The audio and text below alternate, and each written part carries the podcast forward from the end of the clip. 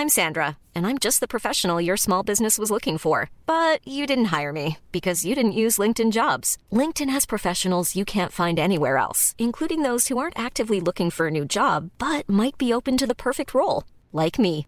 In a given month, over 70% of LinkedIn users don't visit other leading job sites. So if you're not looking on LinkedIn, you'll miss out on great candidates like Sandra. Start hiring professionals like a professional. Post your free job on linkedin.com/people today. Ryan Reynolds here from Mint Mobile. With the price of just about everything going up during inflation, we thought we'd bring our prices down. So to help us, we brought in a reverse auctioneer, which is apparently a thing. Mint Mobile unlimited premium wireless. Ready to get 30, 30, bit to get 30, bit to get 20, 20, 20, bit to get 20, 20, bit to get 15, 15, 15, 15 just 15 bucks a month. So, Give it a try at mintmobile.com slash switch. $45 upfront for three months plus taxes and fees. Promo rate for new customers for limited time. Unlimited more than 40 gigabytes per month. Slows. Full terms at mintmobile.com. Since 2013, Bombas has donated over 100 million socks, underwear, and t shirts to those facing homelessness. If we counted those on air, this ad would last over 1,157 days. But if we counted the time it takes to make a donation possible, it would take just a few clicks. Because every time you make a purchase, Bombas donates an item to someone who needs it. Go to bombas.com slash ACAST and use code ACAST for 20% off your first purchase. That's bombas.com slash ACAST, code ACAST.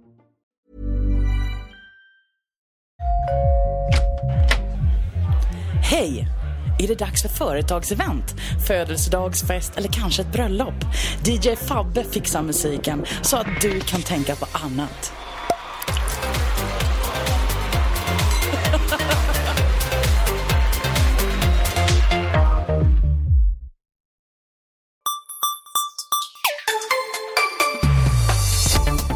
Kära vänner, välkomna till ännu ett avsnitt av Macradion. Eh, idag är det jag som har fått hålla i rodret. Eh, det kan bero på att inte Peter är här idag. Eh, men vi har i alla fall Gabriel med oss idag. Ett sant nöje, Henrik. Visst är det? Jaha, hur mår du? Fantastiskt! Hur står det till själv?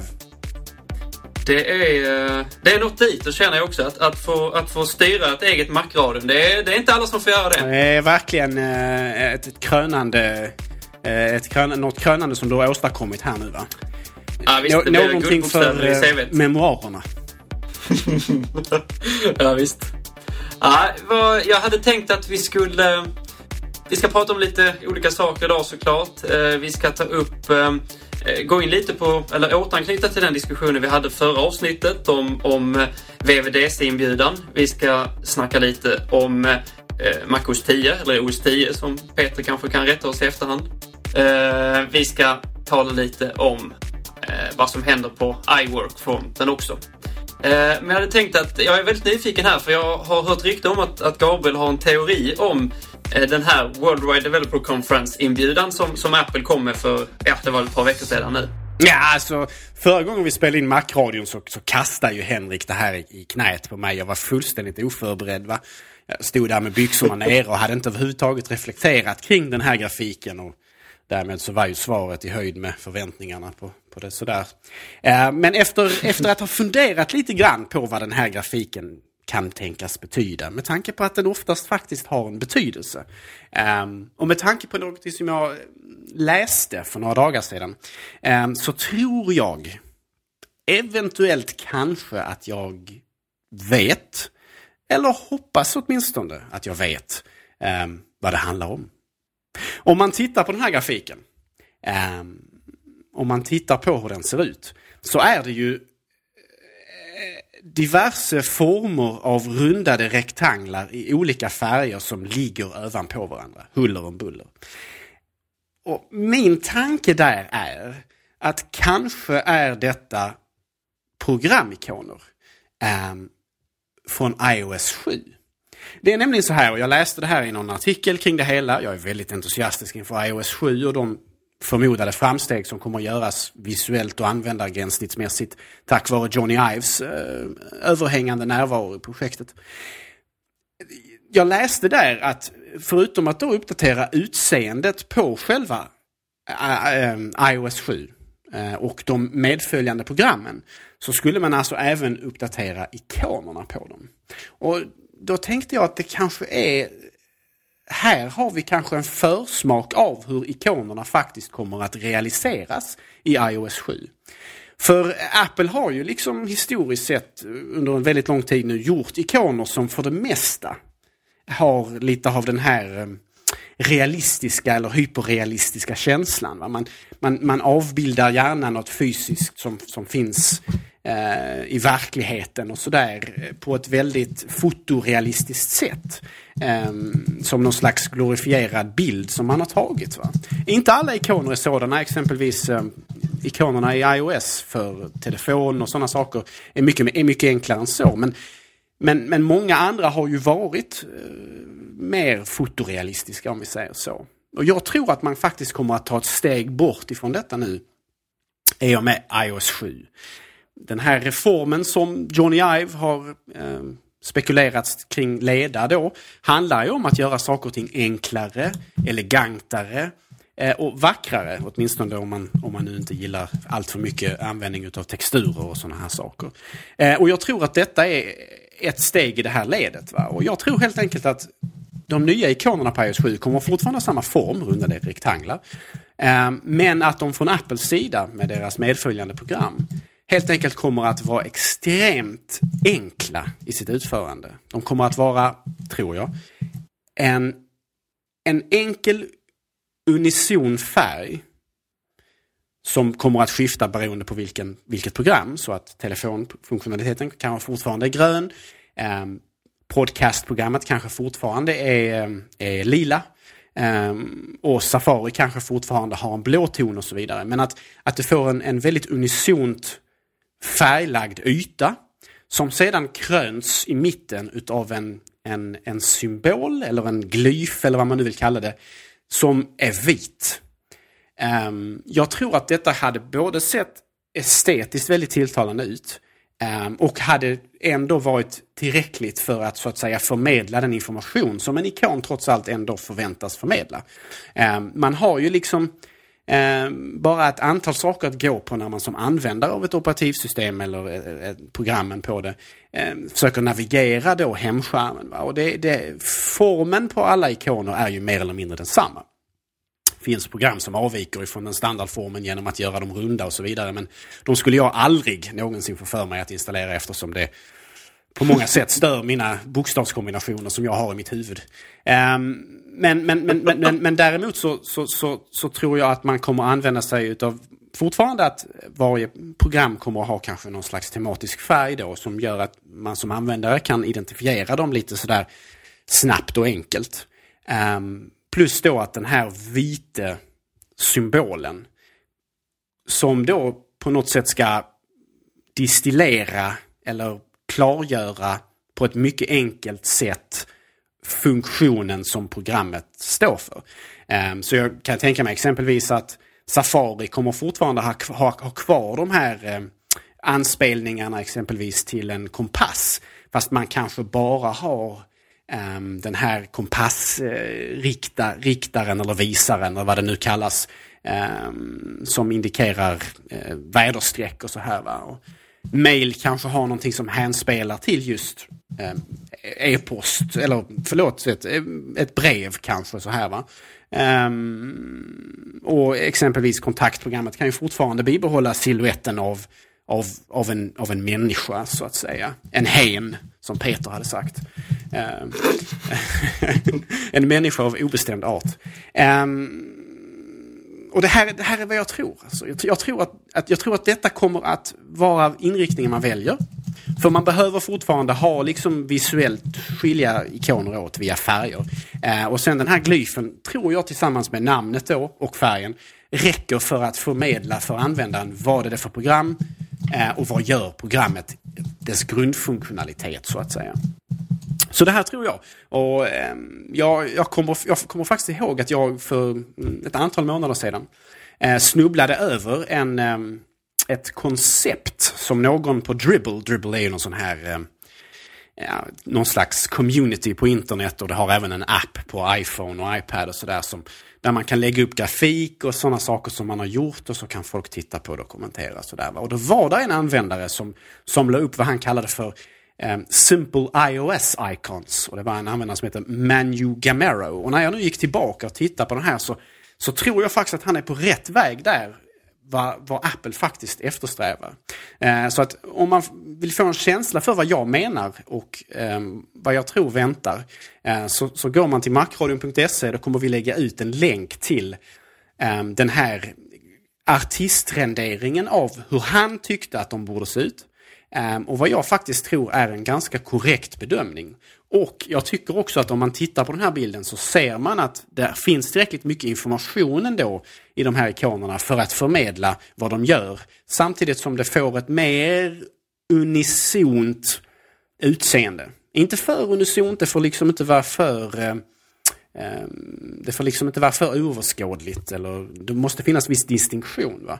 Men, men jag, jag tycker att det både blir mycket vackrare på det här sättet eh, och att nödvändig information ändå kan förmedlas. Så jag, jag, jag både tror och hoppas att detta är vad Apple hänvisar till vad gäller den här VVDC-grafiken och att detta är vägen som, som Apple väljer att gå. Nu har han ju den, då, den här eh, konstnären i sitt konceptgrafik då valt att bland annat plocka bort ikonnamn och så vidare. Det har jag lite svårt för att se Apple göra för det, det tror jag tar det lite ett steg för långt åtminstone som, som det ser ut idag. Utan jag tror fortfarande att Apple kommer att behålla namnet under som en etikett under själva ikonen och sådär på programmet. Men um, jag tror att han var, var, helt rätt väg här vad gäller hur de kommer att faktiskt att utvecklas och se ut. Och jag tycker jag tycker mig åtminstone kunna se lite bekräftelse på detta i den här VVDC-grafiken. Och det ligger liksom lite grann i, i linje med den här, den här förenklingen eh, som jag och förhoppningsvis många med mig hoppas kunna se med Johnny Ives eh, antågande eh, och maktövertagande utav den, den grafiska formgivningen utav programvara från Apple. Som ju har, om du frågar mig historiskt sett varit ganska så blandad kompott. Både en hel del lyckade saker men också en hel del ganska smaklösa och eh, olyckliga designval helt enkelt. Och de ryktena som finns nu är ju också, eh, gör ju gärna gällande att, att mycket av de här texturerna kommer att försvinna. Game Center kommer inte ha kvar sin gröna filtmatta och eh, vi har ju redan sett vad som hände med Podcaster, eller, eller Podcast-appen att eh, den här eh, att man eh, den här så kallade Bandvisualiseringen. Ja, precis. Alltså, alltså, att, att man försöker återskapa något, något, något objekt som, som, som ska ha funnits. Att det ska på något sätt försvinna mer och mer. Och jag har pratat om det här ett oändligt antal gånger tidigare men jag är väldigt, väldigt entusiastisk inför detta och jag tror att den här eh, estetiska förändringen utav även ikonerna då um, kommer att vara ett, ett, ett led i den här förenklingen utav utseendet i, i riktning mot mer elegant. Plus att naturligtvis det förmodligen blir enklare att göra ikoner nu. Om vi, som vi har hört nu, så, så, så, så visar det sig ju att Apple har lyft eh, resurser, anställda som har jobbat på Mac OS 10.9, eh, nästa version utav, eh, eller OS 10.9, förlåt. Eh, att man har lyft eh, programmerare, eh, förmodligen grafiska designers och så vidare, lyft dem från Macens operativsystem och satt dem på iOS för att bli klar i tid till VVDC. Ehm, och det här är ju ett sätt då att kanske också göra det enklare att göra varje enskild ikon för att mm, man behöver egentligen bara bestämma sig för en färg och en, hur en glyf ska se ut och sen så kanske man har ett standardiserat estetik för hur den här glyfen ska konstrueras. Um, som man sen kan använda sig utav. Som då kan sättas i kontrast mot många av de andra ikonerna um, på iOS som varit tidigare. Som har varit väldigt avancerade i sin konstruktion, och sitt utseende och därmed också förmodligen varit ganska så tidsövande att göra. Eh, eh tidsödslande, förlåt. Eh, jag menar, det, det, är lätt att titta på en liten ikon och tänka att ja, det här har kanske inte tagit så lång tid. Men, men många gånger så är ju det här med grafisk design och de avvägningar som ska göras, det är ganska komplicerat. Och att göra ikoner för även små iOS-program, det kan nog ta ganska lång tid. Um, och det involverar naturligtvis mycket kreativitet och fantasi. Apropå det så är det ju så att det har varit lite rykten om att, att Apple har eh, svårigheter med att hinna få klart iOS 7 i tid och, och sådär. Va? Eh, som sagt är det, är det bara rykten. Men vad, vad tror du där? Tror du att det, det, är någonting som man kommer... Är det alla program som kommer få den här eh, totala förändringen eller är det, kommer det skötas stegvis? Eller vill man nu visa att det är ett, ett, ett, att man vänder, vänder blad så att, säga, att det är en ny, ny designstrategi eller design liksom, inriktning hos Apple? Tabula rasa, man vänder blad. Eh, det blir allt som följer med telefonen från början kommer att få den här uppdateringen direkt. Jag tror att man vill göra man vill göra ett, ett, ett, ett tungt eh, kraftigt nedslag här och, och säga att här har vi den nya, de nya estetiska riktlinjerna för Apples produkter. Eh, så att säga inför framtiden. Och att alla program som, som Apple själva skeppar med i telefonen och det är ju, det är ju de enda programmen som följer med för, på, på, på, Mac, på Apples plattformar till skillnad från Android och så vidare så är det ju bara Apples program som följer med i standardutförandet.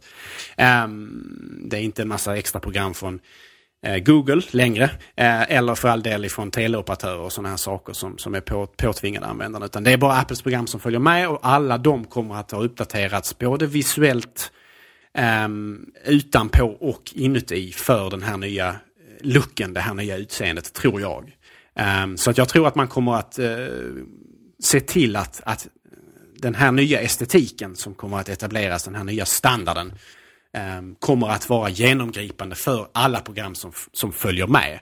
Sedan så kommer man naturligtvis att uppdatera sina egna program i App Store och förhoppningsvis eh, så kommer tredjepartstillverkare att appelleras eller attraheras av det här sättet att, att designa och eh, kanske själva också eh, välja den här estetiska inriktningen. Det finns exempelvis program redan nu som har lite av det här i sig. Exempelvis Dropbox på iOS har den här eh, enkla färgen tillsammans med en vit symbol eller glyf i mitten och så här. Va?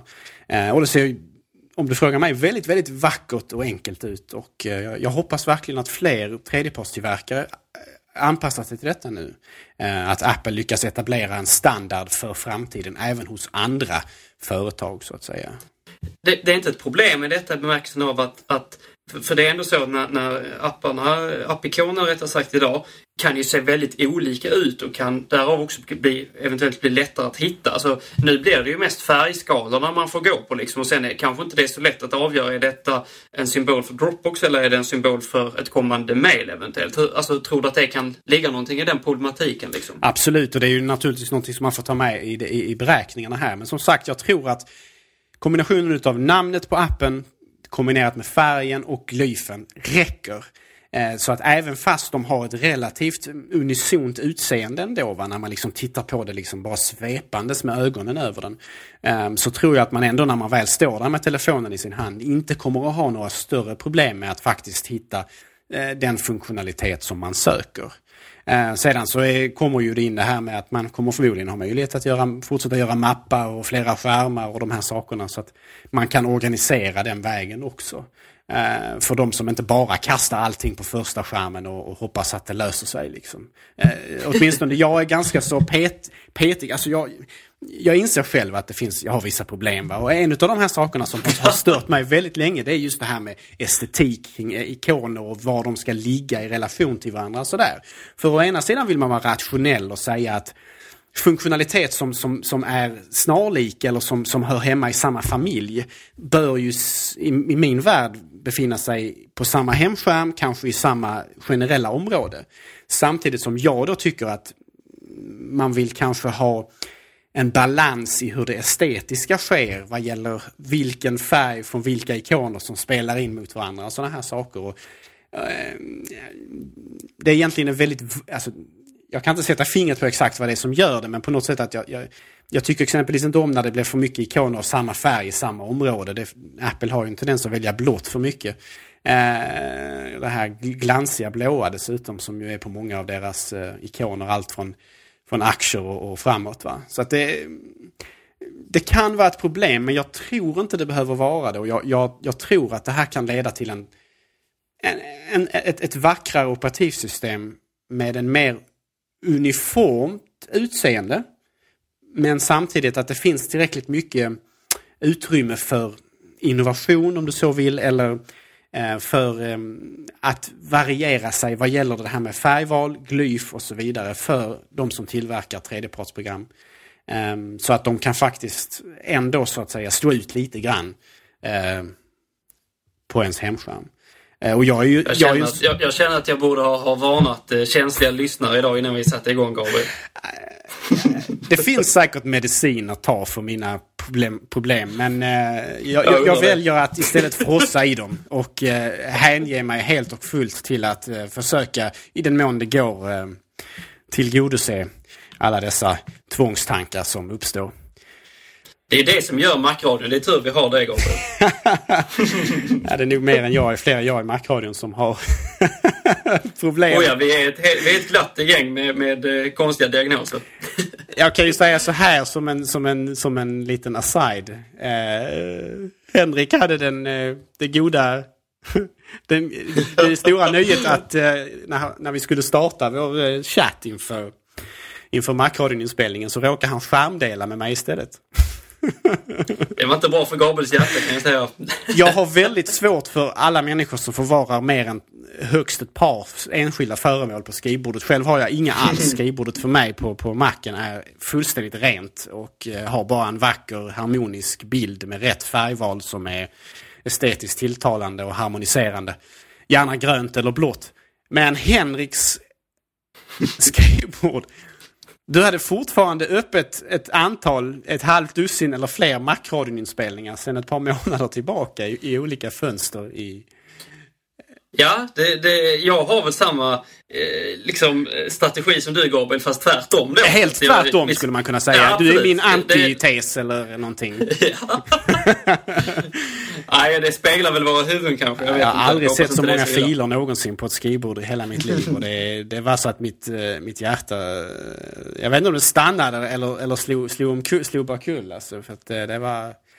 Nej, det var chockerande. Glädjeskutt kanske. Ja, jag, jag, kan, en annan anekdot till. Jag hade tillfället för något, antal, något år sedan eller sådär att eh, husera lite grann på Henriks hårddisk. Och där hade han i sin programapp ehm, tre, fyra olika versioner av gamla program som inte längre startar på MacOS 10. Eh, som, Ja, som, som ju- fortfarande har krävde classic, som, som krävde classic-läget. Eh, och som kanske till och med krävde MacOS 9 för att överhuvudtaget se dagens ljus. Ja, det hoppas jag verkligen. Eh, och själv, själv så är jag så stringent så att jag kastar till och med medföljande program som jag inte tycker är användbara som exempelvis anteckningar och lite sådana här saker. Eh, den här gamla, Ja. inte den nya anteckningar som är iCloud-baserad utan den här fula gamla saken. Eh, Ja, just det, det är inte OS 9. Det ser fortfarande extremt OS 9 ut och är jätteful verkligen. Eh, och jag kastar även eh, schack och, och DVD-spelaren och lite sådana här saker som vem använder det liksom? Nej, vi har uppenbarligen eh, våra, våra bokstavskombinationer här i Macradion. Ja, det, vi har nog, eh, det finns många diagnoser att, att ställa. Men eh, vi är ju lyckliga ändå för det mesta och det är, Oh ja. ju, eh, det är ju trevligt det. Vi kanske har någon psykolog som, som, som lyssnar på Macradion. Det här varit intressant att höra en analys där. Ja, vi- vi... får se om det uppkommer. Ja, det är lite så att vår kära Dr. DJ Fabbe är, är ju inte psykologiskt utbildad. Han är ju, mm, tar ju mer hand om kroppen än, än själen och psyket. Men eh, om det finns någon där ute som vill stå till tjänst så är det här ett, ett, ett rop på hjälp. Ja, det är härligt.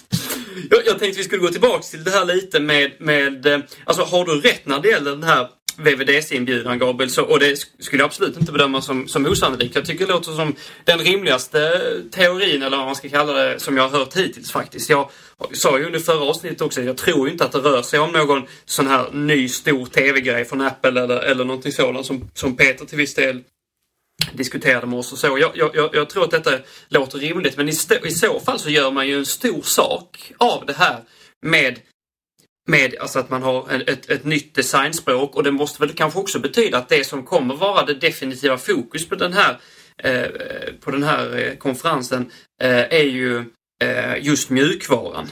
Alltså, då, då, det lämnar inte så mycket över till, till fantasi när det, när det kommer till hårdvaran. För det brukar ändå vara på något sätt så att, att det som är mest centralt i Eh, i, i en, i en, eh, under en konferens är också det som till viss del ges hintar om i den här inbjudan. Hur, hur, hur ser du på det? Är det, är det? Vi får kanske inte någonting annat än den här mjukvarubiten att se fram emot? Nej, jag tror vi håller oss till mjukvara. Jag tror till och med Apple mer eller mindre har sagt att förvänta er inga större hårdvaruuppdateringar.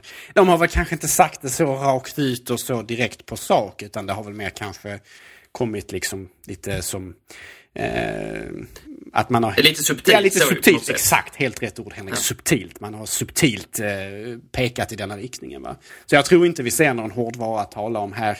Eh, det har ryktats kanske om lite uppdaterade Macbooks och så vidare som man kastar in som en, som en eftertanke i slutet på en, en, en eh, den här eh, keynoten. Och det är ju inte omöjligt alls. Men fokus kommer att vara programvara. Det är ju en, det är en utvecklad konferens även fast hela världen tunar in vid det här laget och, och tar del av vad Apple har för sig.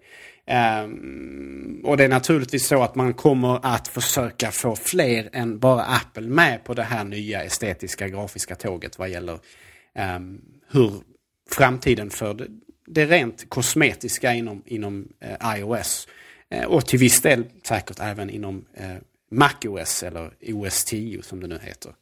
Ehm, så att eh, nej, det tror jag absolut. Och eh, eh, jag tror det är lite därför som man, man gör det här definitiva nedslaget. Så att det så att säga liksom sprider sig likt vågor ehm, över VVDC. Att här har vi det nya sättet att hänvisa sig till, eller att, att förhålla sig till grafik um, i Apples, på Apples prylar så att säga. Eh, och det är inte en sekund. Phil Schiller sa ju det också, eh, förlåt, förlåt han sa ju det också att, att uh, jag kommer ihåg att jag läste, jag tror det var när man diskuterade kvartalsrapporten, att, att han, han såg fram emot mycket att, att tala om just uh, OS 10 och uh, eh, iOS 7 och, och, det lämnar ju inte heller så mycket över till att det skulle vara någonting annat som man kommer att tala om på den här utvecklarkonferensen utan att det är just där det, det kommer att vara fokus eh, kring. Och jag, jag, jag, tror också att alltså, man har ju under de senaste åren i alla fall varit ganska konsekvent från Apple när det kommer till smärre uppdateringar av, av, av Macbook Pros eller, eller vad det nu må vara för modell så har man ju inte varit så det är inte någonting som man ofta har tagit upp på, en, på, på scen så att säga utan det har ofta kommit i skymundan bara som en vanlig uppdatering på, på Apple Store så att säga. Så där är jag ju också tveksam om det ska nog vara någonting. Ska det vara liksom som, som Steve Jobs hade sagt, one more thing, så, så är det på något sätt någonting som behöver lite mera, eh, lite mer revolutionerande än en, en processoruppgradering på, på en Macbook Pro. Så jag, jag är tveksam till om, om vi får se någonting av det eh, överhuvudtaget så att säga. Mm, nej, helt rätt. Jag håller med dig där. Du, du är helt på rätt spår. Jag, jag tror att en Haswell-uppdatering på Intels, eh, eller på de här eh, på de här bärbara datorerna från Intel. Eh, vilket verkar vara en ganska trevlig uppdatering. Man tittar på grafik och så vidare. Eh, men det är inte sexigt nog att stå och, och, och liksom asa upp, asa upp någon från Intel på scenen där och prata om det och så. Det, det, tror jag inte. Utan I så fall så uppdaterar man bara Apple Store efteråt och så har man helt plötsligt nya datorer. Eh, för sist man presenterade så var det ju en helt ny design eller eh, omgörningen utav Macbook-linjen, eh, Pro-segmentet då framförallt, där man alltså gjorde den här nyare, tunnare Retina-modellen så att säga. Och det var ju värt att, att faktiskt ställa sig på scen och, och prata om. För det var ju det är ju ett vägskäl som han har korsat här. Va? Det, det, det, det, det är framtiden som han har anammat här nu med Pro-linjen också med, med den nya skärmen och eh, SSD-hårddisk och ingen DVD-brännare och allt det här. Va? Men det, det, den sortens uppdateringar kommer ju inte här nu i och med de nya bärbara utan då är det förmodligen bara Haswell och, och kanske lite bättre diskreta grafikkort. Eh, kanske lägre priser fast det, det, har ju sänkts relativt nyligen. Så att, ja, det är, väl, det är väl typ på den nivån det ligger. Och det, det, detta kan man ju bara uppdatera tyst i bakgrunden så att säga. Det är inget man behöver ge sentid. Nej, precis. Jag, jag tänkte vi har varit inne lite och naggat på det men, men eh, när, när det kommer till, vi har, vi har mest talat om eh, iOS när det kommer till att göra om eh, ikoner och, och, och, och sådär va, nytt designspråk. Tror du att kommer detta också att synas i, i, i den kommande versionen av, av OS 10? Kommer Johnny ha hunnit göra avtryck så att säga? Ja, jag vill gärna tro det. Men, men det känns ju som att om man nu lyfter alla resurser från marken eh, vad gäller utveckling av operativsystemet eh, och sätter dem på iOS 7 så är det ju helt klart där fokus ligger. Och eh, det skulle inte förvåna mig eh, om det visar sig att det, den här estetiken kommer kanske till Macens operativsystem en version senare. Men jag, jag hoppas fortfarande att, att det kan bli så. Eh, eh,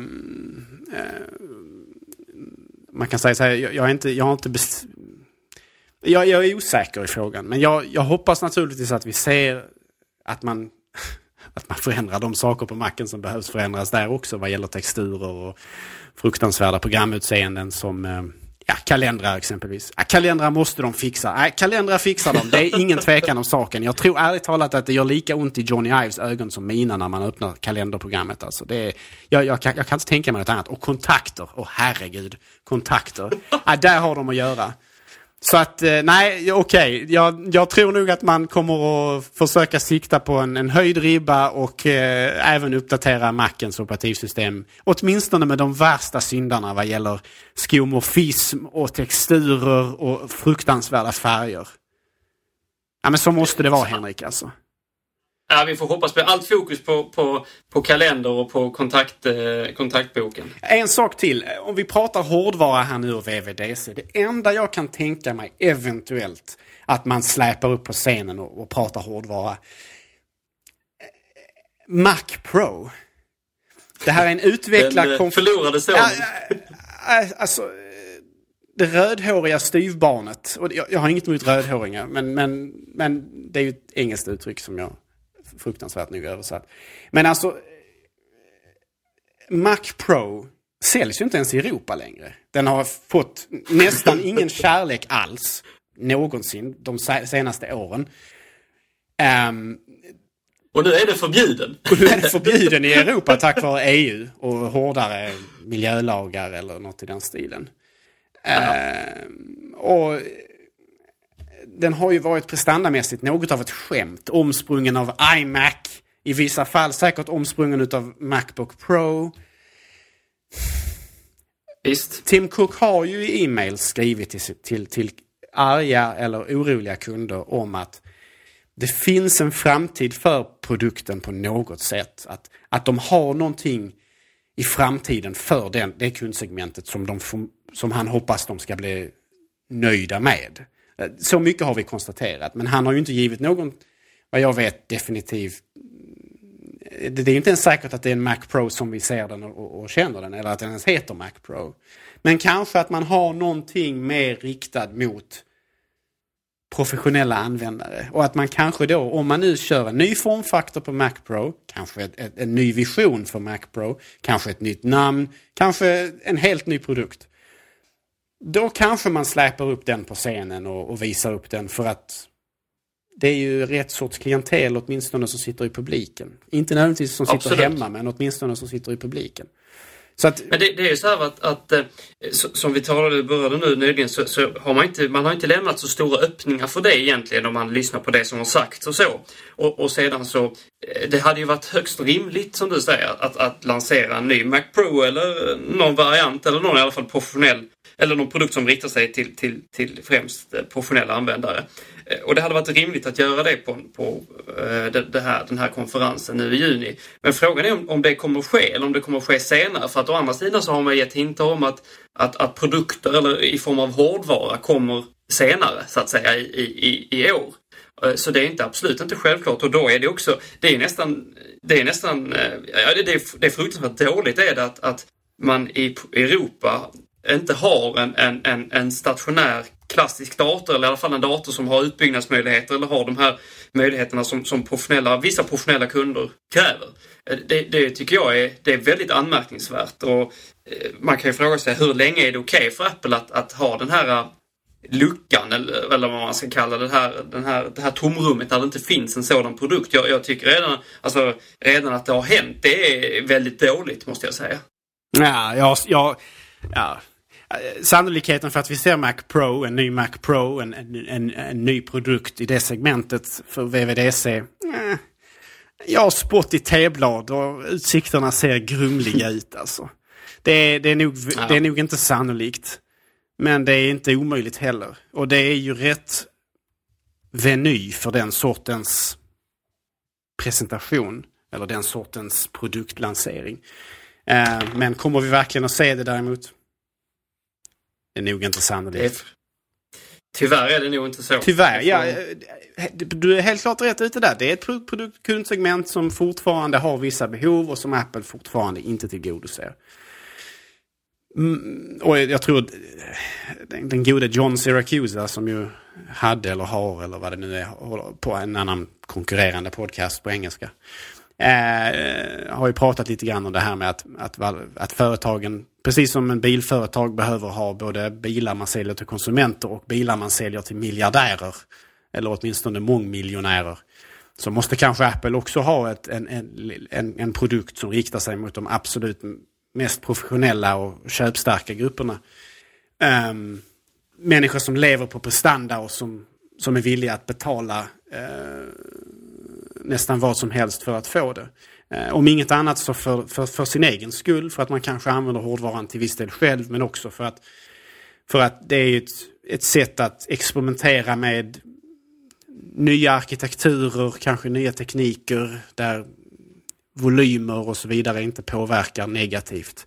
Eh, och där det kanske är lättare att ta misslyckanden och tillkortakommanden som, som inte blir Eh, gigantiska stämningsansökningar som ju, de är så väldigt förtjusta i, i däröver i staterna.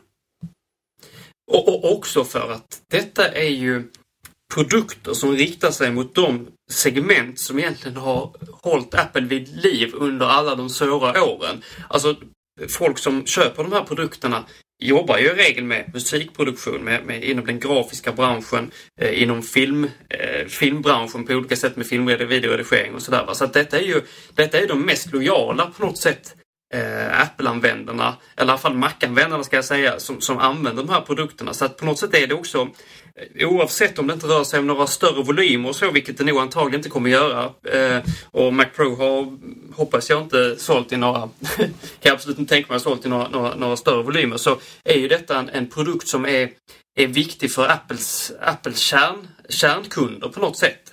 Tycker jag. Och att det, det, det finns en jag vet inte om man ska kalla det moralisk, men, men någon, någon form av moralisk eh, liksom, plikt att, att tillgodose den här gruppen som har varit och är fortfarande, skulle jag vilja säga, ändå väldigt central och, och utmärker ändå den klassiska Mac-användaren på något sätt.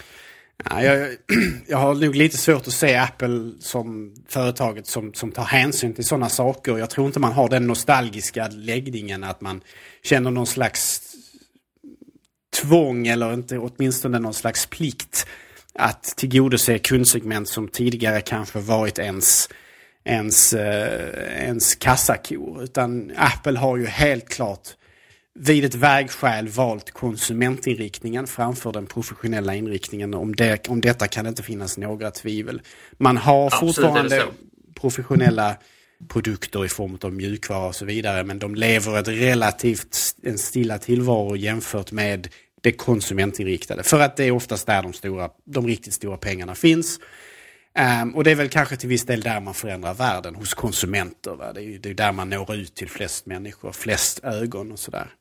Uh, jag, Självklart jag, jag, så. Och, men där är det också viktigt att, att komma ihåg att det är ju inte så att Apple ska göra detta av någon, av nostalgiska skäl eller så. Men jag, jag tror ändå att det finns en idé att, att ha, ha en stark ställning också i den branschen som är ganska lojal där man också ändå kan, kan tjäna pengar för att där har man ju stora marginaler också. Man, man, man, man har ju möjlighet att ta ut eh, mycket pengar för de här framförallt mackarna då som, som de professionella användarna vill åt. Och eh, därför så känns det också eh, ur det, ett rent krasst ekonomiskt perspektiv, onödigt att inte göra någonting When you're ready to pop the question, the last thing you want to do is second guess the ring. At Bluenile.com, you can design a one of a kind ring with the ease and convenience of shopping online. Choose your diamond and setting. When you find the one, you'll get it delivered right to your door. Go to Bluenile.com and use promo code LISTEN to get $50 off your purchase of $500 or more. That's code LISTEN at Bluenile.com for $50 off your purchase. Bluenile.com code LISTEN. Hey, it's Danny Pellegrino from Everything Iconic. Ready to upgrade your style game without blowing your budget? Check out Quince. They've got all the good stuff shirts and polos, activewear, and fine leather goods, all at 50 to 80% less than other high end brands. And the best part? They're all about safe, ethical, and responsible manufacturing. Get that luxury vibe without the luxury price tag. Hit up quince.com slash upgrade for free shipping and 365 day returns on your next order. That's quince.com slash upgrade. I'm Sandra, and I'm just the professional your small business was looking for. But you didn't hire me because you didn't use LinkedIn jobs. LinkedIn has professionals you can't find anywhere else, including those who aren't actively looking for a new job but might be open to the perfect role, like me. In a given month, over 70% of LinkedIn users don't visit other leading job sites. So if you're not looking on LinkedIn, you'll miss out on great candidates like Sandra. Start hiring professionals like a professional. Post your free job on linkedin.com/people today. Burrow's furniture is built for the way you live. From ensuring easy assembly and disassembly to honoring highly requested new colors for their award-winning seating, they always have their customers in mind. Their modular seating is made out of durable materials to last and grow with you. And with Burrow, you always get fast, free shipping. Get up to 60% off during Burrow's Memorial Day sale at burrow.com slash ACAST. That's burrow.com slash ACAST. burrow.com slash ACAST. Wow. Nice. Yeah. What you're hearing are the sounds of people everywhere putting on Bombas socks, underwear, and t-shirts made from absurdly soft materials that feel like plush clouds. Yeah, that plush. And the best part? For every item you purchase, Bombas donates another to someone facing homelessness. Bombas. Big comfort for everyone. Go to bombas.com slash ACAST and use code ACAST for 20% off your first purchase. That's bombas.com slash ACAST. Code ACAST. Den, i den branschen också så att säga. Så jag, jag tror mer där borde vara en, en, en eh, vad ska man säga, ett, ett, motiv till att göra det. Och sen vissa har den en, en, en koppling till, till Apples historia såklart. Men jag tror som du, alltså det är nog så tyvärr, det, det är inte någonting som är centralt för hur de tänker. Men jag, jag, jag tror ändå att, att det, det är en potential eh, en potentiell eh, marknad som man kan tjäna mycket pengar i, i alla fall om man jämför med de andra Mac-segmenten. Eh, sen är det så att många av de professionella eh, Mac-användarna, ska vi komma ihåg, har gått över till Apples andra prylar. Alltså den stationära datorn som, den, som, som, som en burk man har under skrivbordet som Mac Pro. Det är inte en speciellt relevant produkt längre för många. Och det är inte säkert att det är det som Apple bör eller kommer att, att lansera igen. Men jag, jag tror mer snarare att det behövs ett ett, man, man, kanske kan lösa det på något annat sätt men att ändå visa att man har en, en, en produkt som, som kanske kan, kan, kan så att säga, uppfylla vissa av de specifika Pro-kraven som finns. Och det har ju, jag, var, jag var osäker på ens om, om det skulle bli någon ny Mac Pro. Jag, jag var, trodde det var ganska rimligt att den, att den skulle liksom dö ut som man har tyckt att den gör nu. Men på något sätt så har ju Tim Cook ändå dementerat detta och visat att, att Pro-kunderna bryr sig och då känns det intressant att få reda på när kommer Apple att bry sig och på vilket sätt kommer de att bry sig? Är det, är, är det, är det att man gör en, en iMac ännu bättre eh, så att eh, den fungerar ju för många Pro-kunder även idag men kommer det vara en ännu bättre iMac eller kommer det vara en, en ny Mac Pro eller vara ett helt nytt segment? Så det är väldigt många intressanta frågor där men jag är också väldigt tveksam över om vi kommer få se några svar på dem nu i, i juni. Jag, jag tror tyvärr inte det. Jag tror om man tittar på de här branscherna som kanske historiskt sett höll Apple vid liv under en tid där de hade det väldigt svårt med konsumenter. Ehm, så är det i den grafiska branschen, reklam och sådär. Det är musikbranschen. Det är filmbranschen. Eh, och kanske till viss del skolorna. Jag, är lite osäker på skolorna, men de, de, de, de tre första åtminstone och kanske även skolorna till viss del. Va? Eh, åtminstone utbildningar som gällde de här tre föregående eh, ämnena. Um, där har Apple liksom tjänat mycket pengar på en, under en tid när man inte tjänar pengar på mycket annat. Um, men samtidigt om man tittar på de här tre eller fyra segmenten då, va? exempelvis skolorna. Idag, de behöver inga Mac Pros som de såg ut. Eller som de fortfarande ser ut men man inte kan köpa dem i Europa. Därför att de behöver inte den formen. Jag menar vad skiljer en Mac Pro från en iMac? Jag menar prestandamässigt är det ingen större skillnad. Det kunde det ju varit naturligtvis om Apple hade varit seriösa med, med Mac Pro. Men det som oftast det handlar om vad gäller Mac Pro kontra många andra är ju expansionsmöjligheterna. Och det, det, återigen, det är färre och färre som behöver det. Eh, reklambranschen, de behöver inte byta grafikkort. Eh, de behöver inte sätta in fler, ett eget ljudkort. Och i de eh, extremt få fallen där det behövs så kanske man kan köra ett, ett USB-baserat eller ljudkort eller vad som helst. Utan jag menar, de klarar sig med iMac, de klarar sig med Macbook Pro. Skolorna, samma sak där. Eh, iMac, Macbook Pro eller Macbook eller Macbook Air eller iPad eller vad det nu kan vara. Och kvar har du typ musik och film. Och ja, de behöver kanske byta ut, filmens fall så kanske man behöver byta ut grafikkort för animeringar och sådana saker. Och kanske till viss del program. Um, och, och, musik, ja de behöver kanske kunna expandera med hårddiskar och, och, allt vad det nu kan vara för någonting. Och I den mån detta då inte kan tillgodoses utav eh, externa tillbehör med hjälp av Thunderbolt och sådana saker.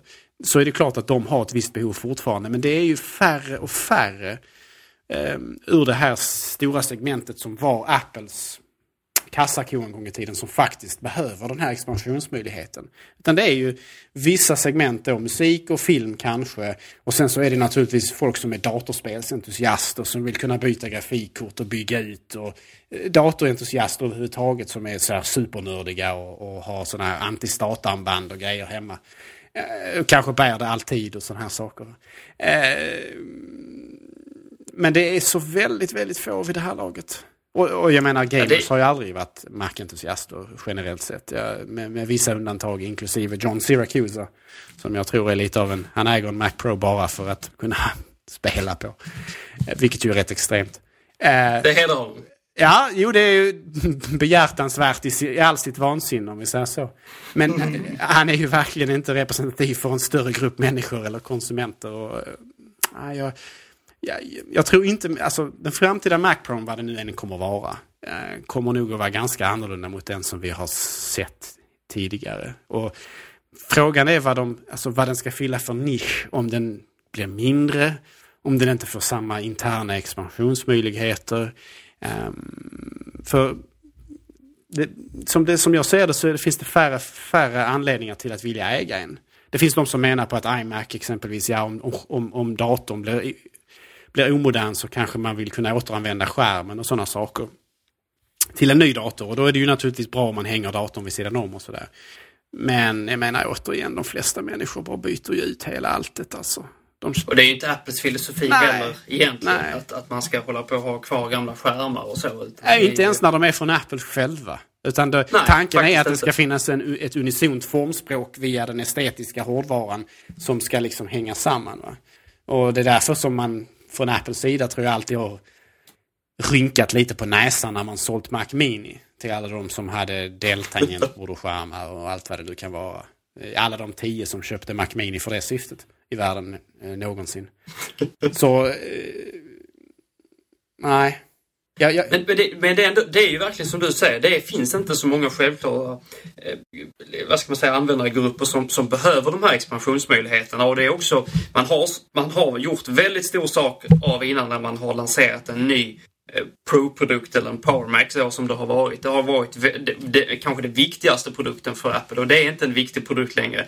Max-segmentet i sig ganska litet, eller är litet i jämförelse med, med iPad och iPhone-segmentet som vi har talat om många gånger här i Mac-radion. Och detta är ett väldigt litet, en väldigt liten del av, av eh, Mac-segmentet som i, i, i, stor utsträckning präglas av de bärbara eh, datorerna. Så att det är helt riktigt. Och det som, det som trots allt detta gör mig förvånad det är att man har gett hintar om, tycker jag nästan åt det här moraliska hållet, eller vad man ska att den här gruppen är viktig, att man ska tillgodose någonting, eller som Tim Cook då har skrivit och svarat på mail och sådär. Så att det är fortfarande väldigt oklart vad som komma skall, för det känns ju som att en, en ny uppdaterad, även om Mac Pro är väldigt vacker, så är den ju, den har lite grann, eh, den, den är föråldrad på många sätt liksom. Och den är, ja den är både gigantisk och, och det är ju samma chassi som det, som det var till, till G5 en, en gång i tiden. Va? Sådär, va? Så det, det, det, känns inte som att det bara handlar om en, om en, om en regelrätt bestanduppdatering. Jag tror att många hade blivit väldigt besvikna då också, i alla fall de här, de här kunderna.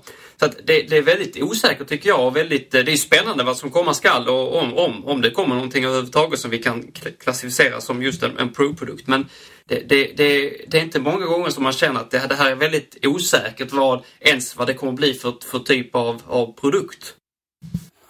Jag, jag tror det lilla kundsegmentet som fortfarande eh, attraheras av Mac Pro. Jag tror de är mindre intresserade av det rent estetiska utförandet av datorn.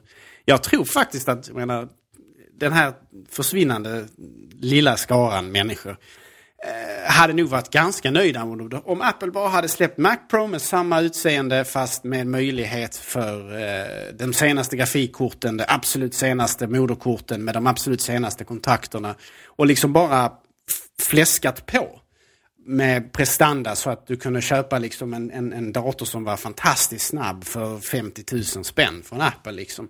Eh, färdigbyggd och klar. Jag, det känns som det... Men på något sätt, den, de här segmenten är ju ändå människor som vill ställa lådan under skrivbordet eller som kanske vill ställa den i en i någon, i någon ljudlåda som isolerar bort ljud och sådana saker. Bygger in det i diverse olika bord och sådana här saker det känns som det estetiska har mindre betydelse där. Även fast naturligtvis man får ju aldrig släppa ambitionen att göra saker som är vackra och eleganta och lättarbetade. Men, men, men de här segmenten som ju ändå är intresserade av datorer som ska vara som, som, som, som, som är bruksdatorer på ett helt annat sätt. Ehm, de är nog mer intresserade av en funktionell dator som är lätt att uppgradera med liksom smarta lösningar eh, och, och, och en bra insida hellre än en, en, en, revolutionerande eh, genomtänkt utsida. Så att säga. Men... Det, det, är helt, helt, jag tror också det är helt sant. Alltså det, det kan aldrig bli lika viktigt för, för den här typen av användare. Men det är ändå så att man har bytt design någorlunda regelbundet i alla fall när, man, när det var en, en viktigare produkt. Eh, när man hade PowerMac G3, G4, G5 och, och, och, så vidare så hade man nya designer vid varje varje skifte så att säga. Och det, det är också konstigt då, så om det nu är så här att det, bara, att, att det kommer helt enkelt en, en liknande låda med, med den, den senaste eh, prestandan eller tekniken inuti, då är det också, kan man fråga sig varför har man inte gjort detta tidigare? För det kan inte vara en svår sak att, att trycka i. Det finns hur mycket plats som helst efter att man skippade eh, PowerPC-arkitekturen så är det ju väldigt mycket tomrum. Så att där, det, det, kan inte vara ett problem på något sätt att göra detta. Och då, då kan man se det som att det är en, det är en extremt lågprioriterad produkt, vilket det, det på något sätt måste ha varit. För jag, jag, jag tror inte att detta är någonting som man har gått och filat på under lång tid och nu släpper någonting revolutionerande. Men det hade ändå varit intressant att se vad blir det för produkt? Blir den en likadan? Jag, jag tror nog på en, en till viss del förändrad design. Om det kommer en ny Mac Pro som vi känner den idag så tror jag nog på en, en, viss, en viss förändrad design. Och det, jag, jag, vet inte om jag har fel i det, men jag tror också att det var någonting med att, att eh, anledningen till att den är förbjuden i, inom Europeiska Unionen nu, det har vad jag förstod det som inte bara att göra med de här miljökraven. Jag visste inte att det hade med det Jag trodde det hade att göra med att hur man kunde komma åt vassa delar och sånt när man skulle, om man skulle byta eller vad, vad Har du läst någonting om detta Gabriel? Eller jag kan ha drömt också, men jag, jag är ganska säker på att det var sådana här äh, riktlinjer också på hur man kunde komma åt delar i datorn och så som gjorde det. Nej, det är inget jag känner till. Men jag håller med dig i den bemärkelsen att eh, kommer det en, en, ny Mac Pro så har den ju en ny form. För att mm. uppdatera den befintliga eh, lådan med ny hårdvara inuti, det hade Apple kunnat gjort relativt enkelt. Därför att det handlar egentligen bara om att sätta ett antal ingenjörer på det. Jag menar av alla de chassin som Apple har och tillverkar datorer i, från deras laptops till deras iMacar, så är ju Mac Pro utan tvekan den enklaste för att den är så pass stor och rymlig och det finns jättemycket plats för allting. Alltså verkligen superenkelt jämfört med när de har minutiöst konstruerat nya Macbook Pro Retina med små liksom kanaler där luften ska färdas i väldigt trånga utrymmen för de här asymmetriska fläktarna. Alltså den ingenjörkunskapen som krävs för att uppdatera Mac Pro, bjässen, med den senaste hårdvaran är mycket mindre än, än vad som krävs för att uppdatera Macbook Pro med den senaste mobila hårdvaran. Det är ju det, är det som dag och natt. Utan jag tror helt enkelt på att Apple har haft ett allmänt svagt intresse, svag försäljning och sen, ja, man, man har väl eh, Även fast det inte hade krävt många ingenjörer för att uppdatera Mac Pro så kanske man har velat lägga dem på andra produkter av, av, av större dignitet och betydelse. Men man blir lite nostalgisk när du, när du pratar om, om Apple som en gång i tiden liksom såg på sin ja, Power Mac som den hette på den tiden, som en flaggskeppsprodukt. Någonting som man släpade upp på varje keynote och skulle hela tiden visa hur snabbt det var i Photoshop och hur mycket snabbare det här var än en jämförbar dator från Intel. Och man jämförde G3 mot Pentium 3, eller vad det nu var. Eh, och, Eller två kanske. Ja, Mm. Någonting sånt där och G4 motsvarande och så vidare. Vi har kommit långt. Jag menar nu för tiden så släpar man upp en iPhone och visar den senast istället. Det här har vi Apples flaggskepp nummer ett. Eh, och Mac, Mac Pro som den har kommit att kallas nu för tiden har, lever en extremt en extremt tynande tillvaro. Ja, den har inte fått mycket kärlek. Det är bra att vi sa det nu för att jag tänkte att eh, en annan produkt som inte har fått så mycket kärlek det är ju Apples kanske, tycker jag, betydligt viktigare produkt egentligen. Deras, eh, deras eh, vad ska man säga, kontorspaketsvit, alltså iWork. Eh, den senaste versionen är ju som bekant för de allra flesta tror jag eh, 09. Och det säger sig självt att det var ett tag sedan man, man har uppdaterat den smått med eh, möjligheter till, till synkronisering och delning via, via iCloud och med iOS-plattformen och så. Men det har ju inte hänt mycket. Och där har jag en fråga till dig Gabriel. Vad händer? Ja, det kan man verkligen fråga sig. Apple är ju sämre än Microsoft på att stödja, stödja eh, sina egna plattformar med de här skriv eh, och kalkylatorprogrammen och så vidare. Um, om man tittar på Office-paketet så har de ju uppdaterats relativt långsamt genom åren för Apples plattformar, huvudsakligen Macen. Um, ja, eller uteslutande Macen. Det finns ju fortfarande inte på någon annan plattform som Apple tillverkar ännu. Eh, och då har Microsoft alltid liksom ansett marken som rätt så lågprioriterad för det en konkurrerande plattform. Man kan kanske inte klandra dem för det. Eh, Medan nu känns det mer som vi ser oftare Office utvecklas för marken från Microsoft. Eh, med relativt snabba uppdateringar, funktioner och så vidare. Medan Apple då verkar ha ja, tappat lusten helt och hållet. Som du säger, iWork 09 är den senaste och där ser man lite problemet med att döpa produkter efter vilket år de släpptes. För genast 2010 så kändes det gammalt oavsett om det var det eller inte och 2013 känns det fullständigt fruktansvärt gammalt. Det känns som någonting som man har grävt upp ur en arkeologisk håla någonstans. Alltså. Så att det, eh, och bara om man tittar liksom på namnet naturligtvis. Eh, sen... Och, och värt att, att notera där är att man, vad jag vet så kommunicerar man inte 09 längre i produktnamn. Man pratar inte heller så ofta om iWork i den bemärkelsen. Man pratar ju om det som Pages, Numbers och Keynote som går att ladda ner i App Store så att säga. Och som finns på både iOS och OS 10. Så att man har ju försökt att tvätta bort det lite att det är ett väldigt, väldigt gammalt program som fortfarande fungerar alldeles utmärkt på, en, på min G5 här liksom. Så att det är ju och då ska man ju säga att Apple är inte de som, som tycker att det är en väldigt kul idé att stödja gamla prylar utan här handlar det helt enkelt om att man inte har gjort någonting nytt så att säga. Så att det är ju det är intressant på många sätt. Ja, man insåg sitt misstag där.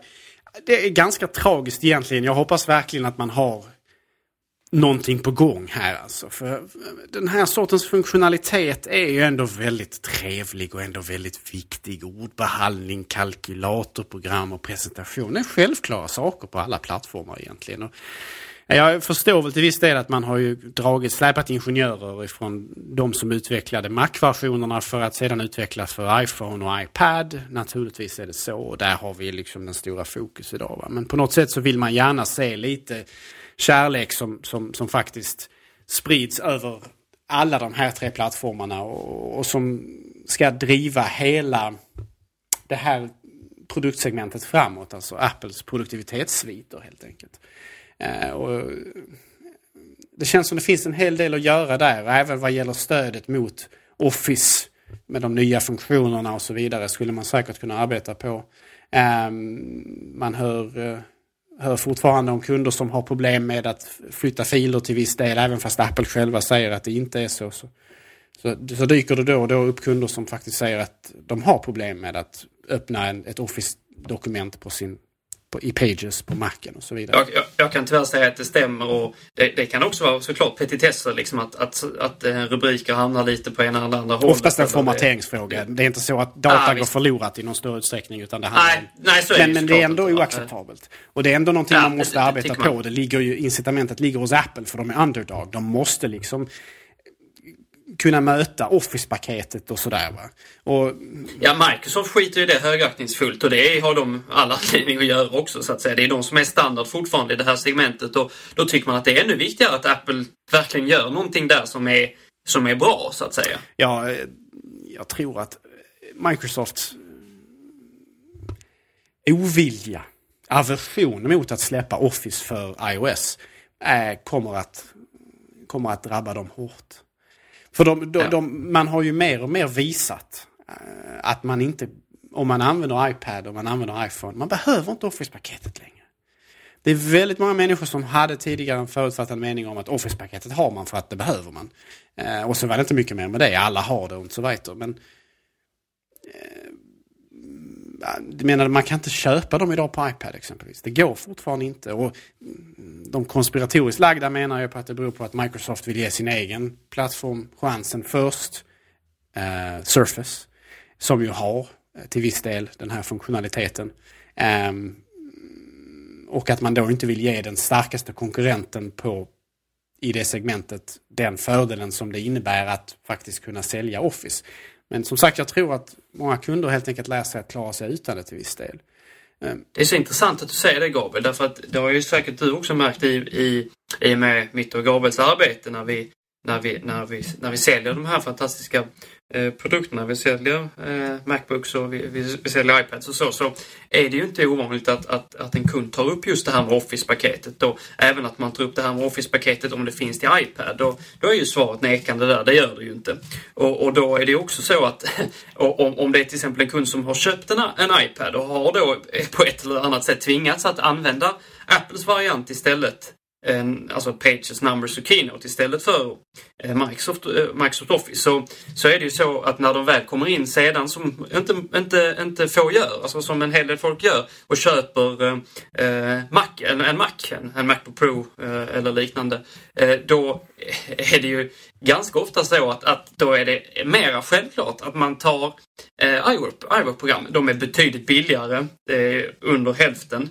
Ehm, och, och, och, de är ju fullständigt synkroniserbara med iPaden, vilket många tycker är viktigt nu. Och de har sett att ja, det finns vissa problem med att skicka fram och tillbaka, men för de som skickar vanliga textfiler och något enkelt kalkylark så är det inga problem att, att dela med Word och Excel och så. Så att ehm, Microsoft gör ju sig på, på en bransch, eller på, på ett produktsegment som de har en väldigt, väldigt dominans på. Och det blir ju som vi vet färre och färre, vilket vi är otroligt glada över såklart. Men då, då är det så att fortfarande när det gäller Office-paketet så har man en, en, dominans, framförallt, eller jag ska säga endast på datorsidan. Den, klassiska datorsidan. Och att, att riskera, för det, det gör man när man inte lanserar ett Office-paket till iPaden, så riskerar man också att detta eh, stegvis försvinner från, från från datorplattformen. Jag, jag, tror att man gör sig själv en sån otrolig otjänst här eh, från Microsofts sida. Hur, Eh, det är ett väldigt konstigt sätt att resonera på. Jag tror det hade varit, vi hade sålt betydligt fler Office-paket, i alla fall till Mackarna, när, om de hade varit tidiga med eh, Office-paketet även till iPad. Sen hade de ju tjänat väldigt mycket pengar på Office till iPad också. Det är ju uppenbart. Helt klart och det här, jag menar, det, det som, som bara blir till konsumenter till en början kommer ju sedan att uh, leta sig in i, i Microsofts högborg nummer ett, det vill säga inom, inom den professionella branscherna. Eh, företag och så vidare. Att man helt enkelt vänjer sig vid eh, andra lösningar än de som Microsoft tillhandahåller. Vad gäller ordbehandling och kalkylering och så vidare. Däremot inte sagt att jag inte vill se Office på iPad. Jag hade jättegärna sett Office på iPad. För dag så är det kanske, där finns innovationer att göra där också. Och eh, Microsoft har ju på senare år faktiskt visat sig värdiga innovationstänket till viss del. Um, de har helt klart blivit bättre på den här fronten. Så jag hade välkomnat med öppna armar mer konkurrens vad gäller ordbehandlingsprogram för, för iPad. Även fast jag tycker Pages är ganska bra. Så hade jag gärna sett att Apple fick lite konkurrens av Microsoft där. Um, så att det, det, är någonting som jag verkligen hade välkomnat. Um, men... Det är ju... Det, vad sa du? förlåt, fortsätt du Henrik.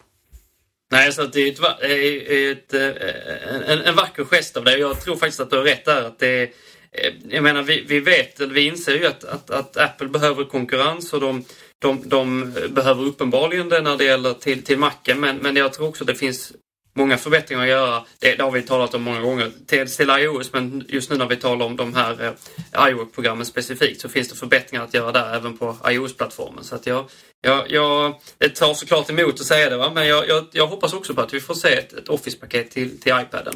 Ett, ett Office-paket från Microsoft till iPad hade gynnat Apple men det hade också gynnat Microsoft. Som det är nu så riskerar man ett av sina två största intäktsområden, Office-paketet. Eh, dess relevans på marknaden. Man riskerar det bara för att man vill stötta en, en, ett annat utav, utav sina stolsben om vi ska använda Steve Jobs eh, eh, sätt att, att, tala om det. Va? Eh, därför att man försöker hjälpa Windows eh, i den formen som det finns på Surface eh, tabletsen som, som Microsoft gör. Så för att eh, öka kunders efterfrågan på Microsofts tablets och, och eh, Windows 8 på dessa så är man villiga att riskera Office-paketets relevans i marknaden för att så att säga försöka driva upp försäljningen av varandra. Men jag tror, jag tror det är ett misstag det, det, det är ett misstag som drabbar dem själva mer än någon annan. För att jag tror inte att speciellt många kunder i slutändan vänder i dörren när de får höra att de inte kan köra Office-paketet på iPad. Man gör vågen, Gabriel. du och jag kanske. Men, äh, nej, inte du och jag. Men, men äh, nej. Men jag tror det... Jag... jag... rör inte och jag rör aldrig PowerPoint och aldrig Excel. Word har vissa förtjänster men PowerPoint är ett fruktansvärt program. Ja, precis. Nej, så privat skulle jag... Det, det är ingenting jag installerar på mina datorer. Eh, men eh, jag är väldigt glad att de finns på Macen. Och det, de gör vissa saker bättre än, än motsvarande från Apple. Eh, onekligen, men det är oftast inga saker som jag personligen behöver.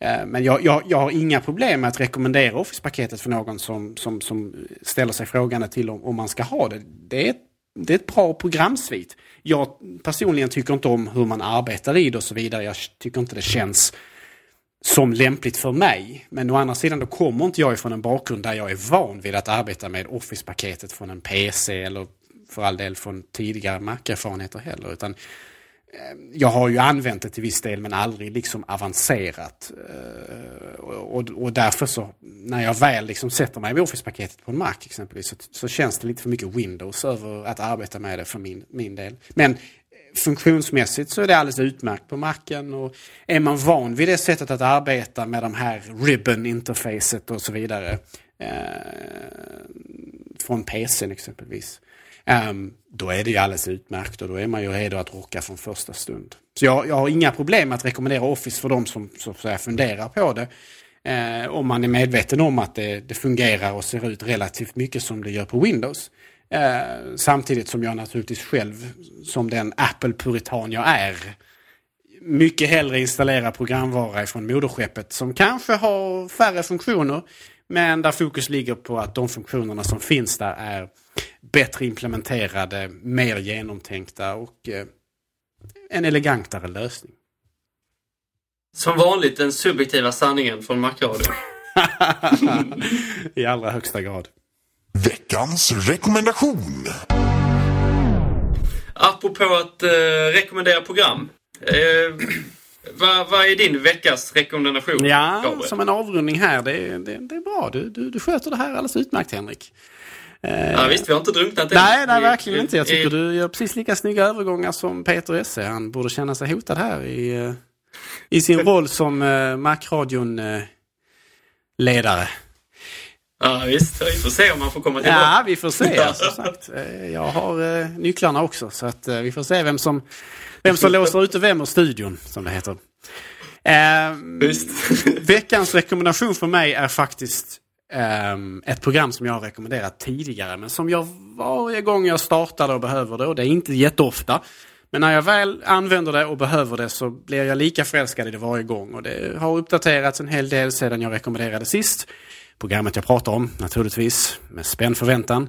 Pixelmator. Pixelmator är, vad kan man säga? Det är Photoshop för Macen fast bra.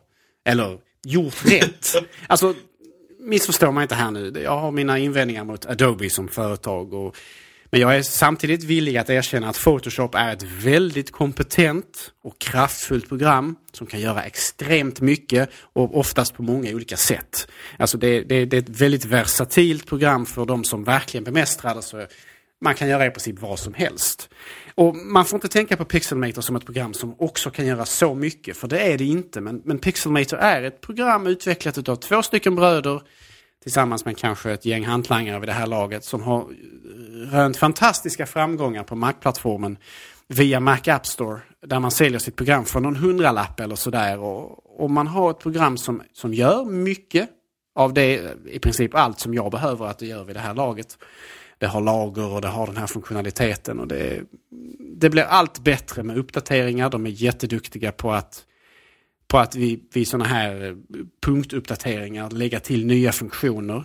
Samtidigt som man kan göra väldigt många saker med Pixelmator så är det också man gör det på rätt sätt. När jag sitter och arbetar med Pixelmator, jag har inte läst någon manual eller sådär, utan jag bara sätter mig ner och tänker, nu vill jag göra X. Hur gör jag X?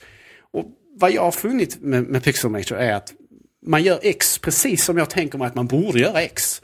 Det är väldigt, väldigt intuitivt, åtminstone om man tänker som jag. Vilket eh, jag, vet inte om jag kan gratulera er om ni gör. Men, men, men, men eh, som jag arbetar och jag tror som många andra också för att jag har läst mycket goda ting om detta programmet. Så, så är det ett väldigt kompetent litet program med tanke på priset. Det är lätt att använda, det är intuitivt, det är relativt kraftfullt. Det är ett vackert program, det är att förglömma. Um, och priset på, jag tror en hundralapp eller sådär. Eh, 109 kronor. 109 kronor, det är, det är som att stjäla det. Alltså. Det är nästan som att skäms att betala 109 kronor för ett så pass kompetent program. Det är nästan, så, ja, det är nästan, det är nästan fel. Men nu är det det priset de har satt så får man väl betala det priset för dem. Jag tror att man kan ladda ner en demo om man skulle vilja det. Inte via Mac App Store men kanske över internet. Åtminstone om man kunnat detta tidigare. Har man intresse av att redigera bilder, att skapa grafik, man vet med sig att man kanske inte behöver all den enorma funktionalitet som Photoshop har med sig och därmed heller inte behöver få det enorma bagage som Photoshop har, alltså i form av att det är rörigt och lite kontraintuitivt stundtals. Och att det många gånger inte respekterar Apples kortkommandon och sådana saker. Det är liksom lite av en, det lever lite som på en egen plattform på marken på något sätt.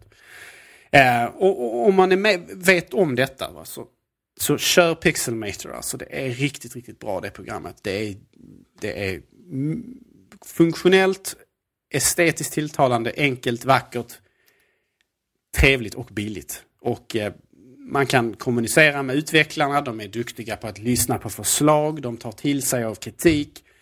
Um, och de har varit, uh, i mina ögon, exemplariska utvecklare för Macen under en längre tid nu. Och de har, uh, vad jag vet, även skördat väldigt stora framgångar ekonomiskt på grund av detta. Och det är de extremt väl förtjänta utav. För Pixelmator är ett riktigt, riktigt bra program. Och på, för 109 kronor så är det som hittat alltså. Inte illa. Får vi alla kasta oss in i App Store och ladda ner? Jag hoppas verkligen att du äger en kopia av det Henrik. Jag tycker vi ska gå över till min rekommendation ah, nu så behöver vi inte tala mer om det. Ah, Henrik alltså, jag blir så besviken. Du har allt möjligt skit i din programapp. Och så har du inte Pixelmator. Nej, jag har... Uh... Kör, kör nudlar en vecka. Till, tillagade med varmvatten i, uh, i, uh, i, i, i diskhon, höll jag på att säga. Så, eh, har du inte lagat eh, fiskpinnar under eh, varmt vatten? Ja, jag har hört talas om några dårar som, som gör fiskpinnar via en brödrost. Det är ingenting jag, jag, jag, kan rekommendera, har aldrig gjort det själv, men eh, höjden av vansinne det är tydligen att, eh, att försöka grilla fiskpinnar via brödrost. Ett eh, studenttrick så gott som något, kanske. Ja, det är tur att inte det är min rekommendation. Fiskpinnar. Fiskpinnar under, under varmvatten eller i en brödrost. Nej, jag hade tänkt att komma med något lite vettigare faktiskt, relaterat till ämnet. Uh, ja, det egentligen kan vara ett program som vi har tagit upp tidigare här. Det är ett, ett riktigt nördprogram, får man säga, Mac Tracker. Och uh, detta är ett program som helt enkelt samlar uh, alla Apples produkter, specifikationer, när de lanserades, Eh, väldigt överskådligt och trevligt. Det finns till Macen Eh, och det finns till eh, iOS-plattformen också. Och då kan man till exempel, eh, om man som jag då äger ja, ett flertalet mackar som ni vet, så kan man gå in och kika på, ja vad hade nu eMac, den sista eMacen för grafikkort och så kan man gå in och kika på det där och vara nöjd med det.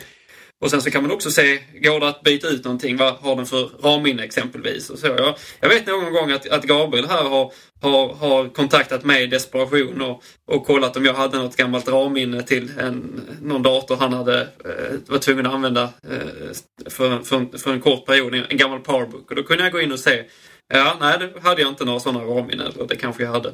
Så att det, det, är ett väldigt användbart program för oss som, som älskar Apples produkter, som vill ha lite koll och som tycker om att kunna... Man kan läsa lite sån här eh, lite historia hur, när de släpptes och, och vad, vad det var för nytt med dem och så också. Så att det är ett, det är ett fantastiskt nördigt program och det är gratis också. Man kan donera om man vill. Det uppmuntrar jag till för det är väldigt trevligt som sagt. Men det, det, det kostar, kostar ingenting obligatoriskt. Så det, det, det är verkligen att rekommendera varmt. Och man laddar ner det i Mac App Store på, på Macen och såklart i App Store då på iOS-plattformen. Så det, det är en varm rekommendation från min sida.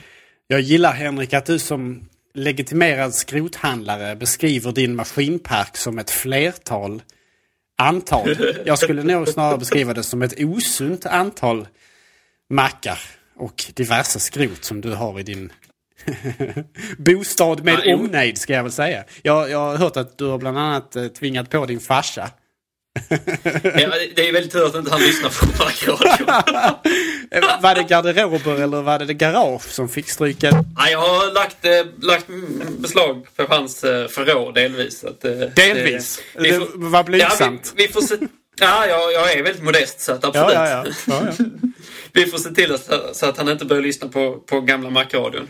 han vet alltså inte om det här med andra ord utan han lever ja, lyckligt ovetande. Inte, ja, lite mer så skulle jag nog vilja säga. Han har väl kastat ut diffusa frågor som att jag vet inte vad det är för låda och, och, och så. så att, då vet jag inte det såklart. Såklart, så såklart. Ja. Får passa det en dag så har han skänkt allt i Röda Korset. Ja, då, då, då kommer jag gråta många tårar så, så, så kan vi inte ha det. Jaha, kära lyssnare. Det var väl allt. Det här var ett sant nöje. Ja, det var ett sant nöje. Jag tycker Henrik har skött sig alldeles utmärkt. Jag hoppas verkligen att ni går in och, och ger honom beröm i eh, kommentarsfältet på veckans Macradion. Som kan nås via www.macradion.se. Där kommer vi även att lägga upp länkarna till diverse saker vi har pratat om idag, inklusive programvaran som vi har rekommenderat.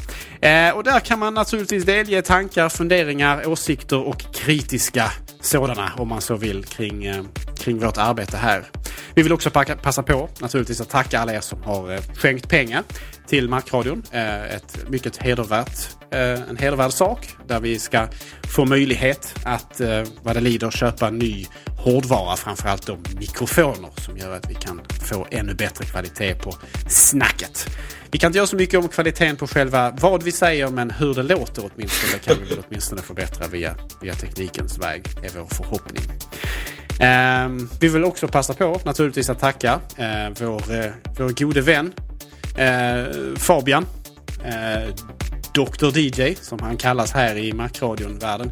Eh, för att han är så god och snäll och redigerar eh, Macradion-avsnitten. Eh, och ja, passa på att tacka alla er för att ni har lyssnat den här veckan. Och eh, vi vill eh, önska er en, eh, en trevlig vecka och eh, på återseende igen nästa gång.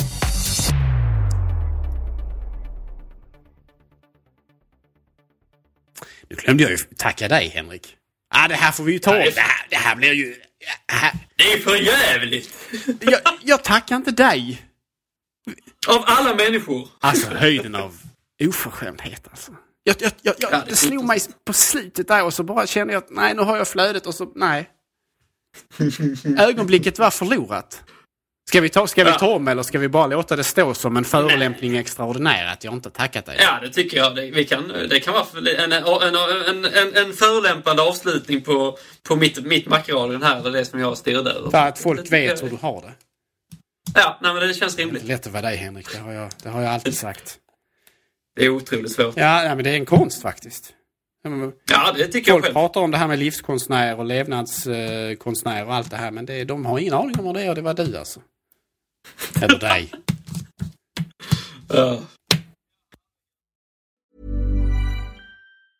Hi, I'm Daniel, founder of Pretty Litter. Did you know cats tend to hide symptoms of sickness and pain? I learned this the hard way after losing my cat, Gingy. So I created Pretty Litter, a health monitoring litter that helps detect early signs of illness by changing colors, saving you money and potentially your cat's life. Pretty Litter is veterinarian developed, and it's the easiest way to keep tabs on your fur baby's health right at home. Go to prettylitter.com and use code ACAST for 20% off your first order and a free cat toy. Terms and conditions apply. See site for details. Even when we're on a budget, we still deserve nice things. Quince is a place to scoop up stunning high end goods for 50 to 80% less than similar brands. They have buttery soft cashmere sweaters starting at $50, luxurious Italian leather bags, and so much more. Plus, Quince only works with factories that use safe, ethical, and responsible manufacturing. Get the high-end goods you'll love without the high price tag with Quince. Go to quince.com slash style for free shipping and 365-day returns.